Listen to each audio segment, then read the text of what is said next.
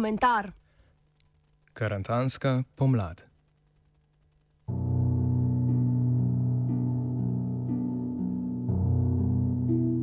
Leta 1981, ko so poluškani deželici pod Avstrijo še vedno poplesavale rdeče vile udbinke in rovarili strašni klavci z rdečo zvezdo na čelu, je v pokrajino med Alpami in Kolpo, kjer se bo deset let kasneje z ustanovitvijo nacionalne države zaključila zgodovina, posijal svetu žarek. Imenoval se je Joško Šavli, ekonomist. Kljub logičnemu sklepanju, glede na izobrazbo, pokojni Šavli ni vzpostavil smernic slovenskega gospodarstva, temveč je rešil slovensko nacionalno zgodovino pred zgodovino pisjem. Če se ima zgodovina desetletje kasneje zaključiti z vzpostavitvijo nacionalne države Slovencev, se je morala tudi začeti s Slovenci, je sklenil Joško in poiskal prvo lasišče, da iz njega povleče samo izpolnitveno teorijo o zgodovini najstarejšega naroda - Slovencev Venetov. Venitska teorija je kako pač privlačila mlade slovenske nacionaliste, recimo jim Andrej Šiškoti. A še bolj je bila koristna za snovalce slovenskega nacionalizma, krajše Janeze Janše, saj bodo, če se šavli ne moti, ravno oni narodni heroji, ki bodo tisočletni ali raje dva tisočletni slovenski sen pretvorili v resničnost.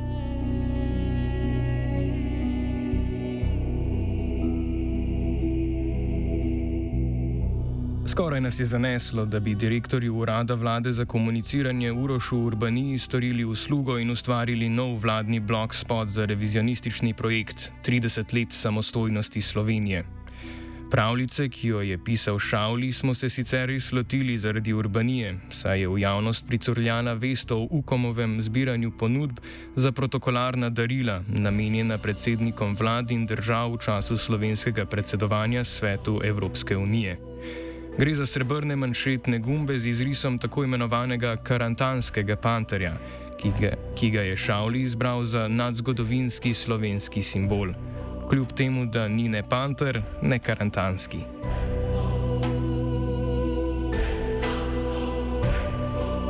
Ne prepustimo se pavšalnostim, z argumenti na dan.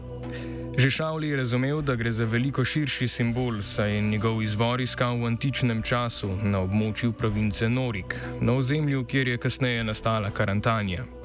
To pseudo-zgodovinarja seveda ne bo zapeljalo v dvom, temveč v še močnejše prepričanje o starodavnosti in ekskluzivnosti slovenskega naroda.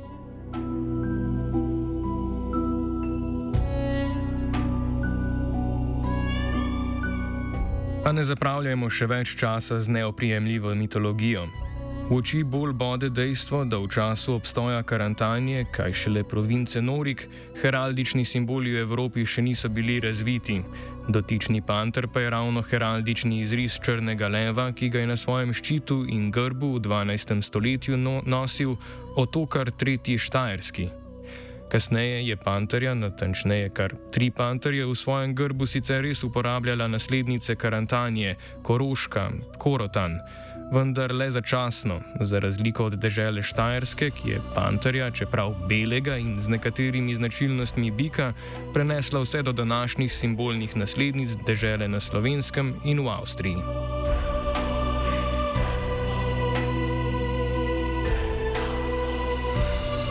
Tudi že spregledamo te argumente in verjamemo, da panter vseeno izvira iz Norika in karantanje, nas današnji izris ne more zadovoljiti. Kot že omenjeno, ima današnji panter bikove rogove, podobne tistim, ki jih zasledimo v štajerskem grbu. Ta z nekoliko etimološke domišljije res predstavlja bika, po nemško štier, podobno torej kot štajerska, štajermark.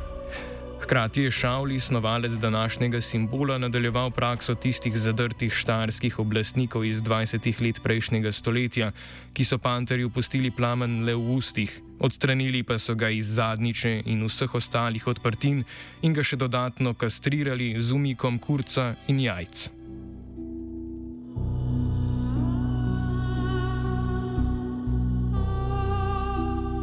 In sedaj malo dramskega premora pred šokom za striktno antijanšistične poslušalce Radia Student. Če panter, ki to ni, ni karantanski, potem ne more biti nič drugega kot slovenski simbol. Pa ne zato, ker bi bil že skoraj tisoč let izpričan kot simbol, ki se večinsko uporablja na področju današnje Slovenije. Takšno sklepanje bi nas namreč ponovno zapeljalo v revizionistično nacionalno mitologijo o tisočletnih sanjah slovenskega naroda.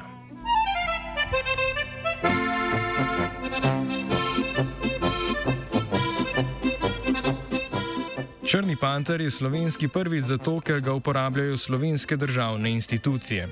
Peti obveščevalno-izvidniški bataljon in poveljstvo enote za podporo poveljstva sil slovenske vojske ter v rdeči različici tudi specialna enota policije. Seveda gre v vseh treh primerjih za premeteno ideološko upletanje nacionalne mitologije v simboliko državnih institucij, a to ne spremeni dejstva, da gre za uradni slovenski simbol. Še več, slovenskega panterja je de facto priznala tudi Evropska politična skupnost, ko so si leta 2008 predsedniki vlad oziroma držav članic, ministri in visoki predstavniki, ki jih je gostil takratni predsednik vlade in predsednik Evropskega sveta Janez Janša, namesto klasičnih akreditacij pripeli značko s podobo, skoraj identično tisti na protokolarnih manšetnih gumbih, ki jih vlada pripravlja za letošnje predsedovanje svetu Evropske unije.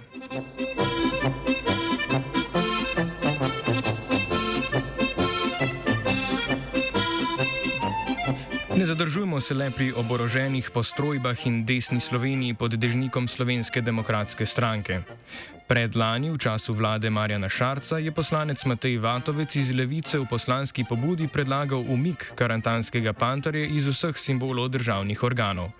Po prvi zavrnitvi je vlada v drugo pripravila vsebinski odgovor.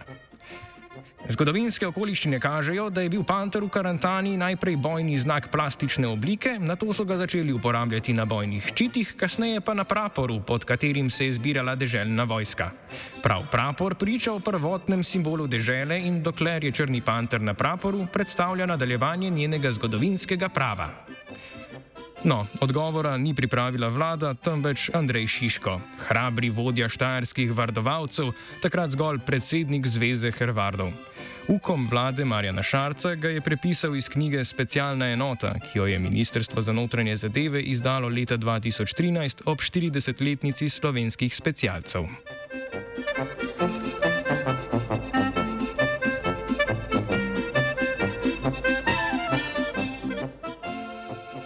Ne na zadnje, Črni panter predstavlja slovensko državnost, kot se za simbol spodobi tudi na simbolni ravni.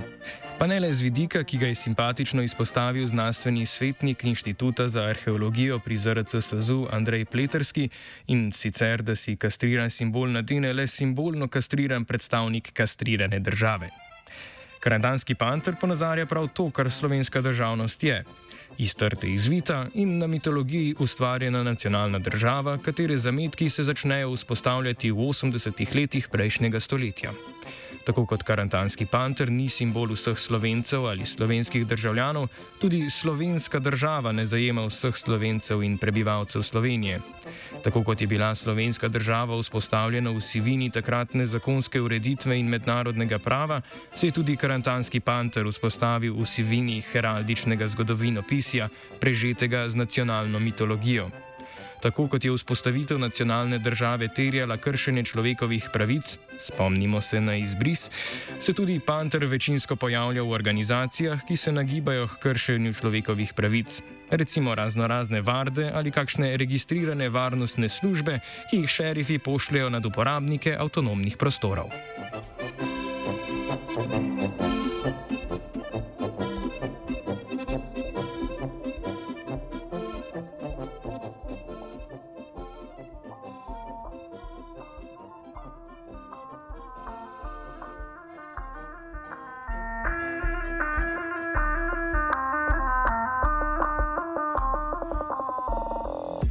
Sklenemo lahko, da pri manšetnih gumbih, ki jih bo Slovenija protokolarno podarila velikim glavam Evropske unije, ne gre za revizijo zgodovine, ki bi jo šolski učni načrt, v skladu s katerim se slovenska zgodovina mitološko začne v karantani, če ne še prej, krvavo potreboval. Pravzaprav gre za poustvarjanje zgodovine za sedanjost in prihodnost, ko se laični ljubitelji zgodovine in prebiralci dnevno-političnih vsebin raje pogovarjamo o simbolnih kot o razrednih odnosih. Revizija zdaj.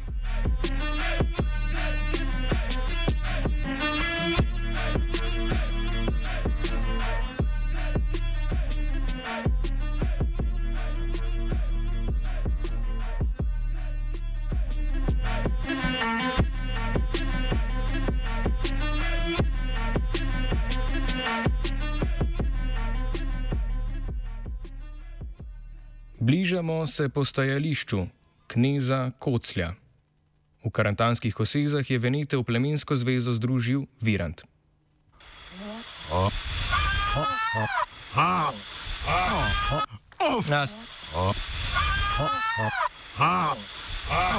Off komentar.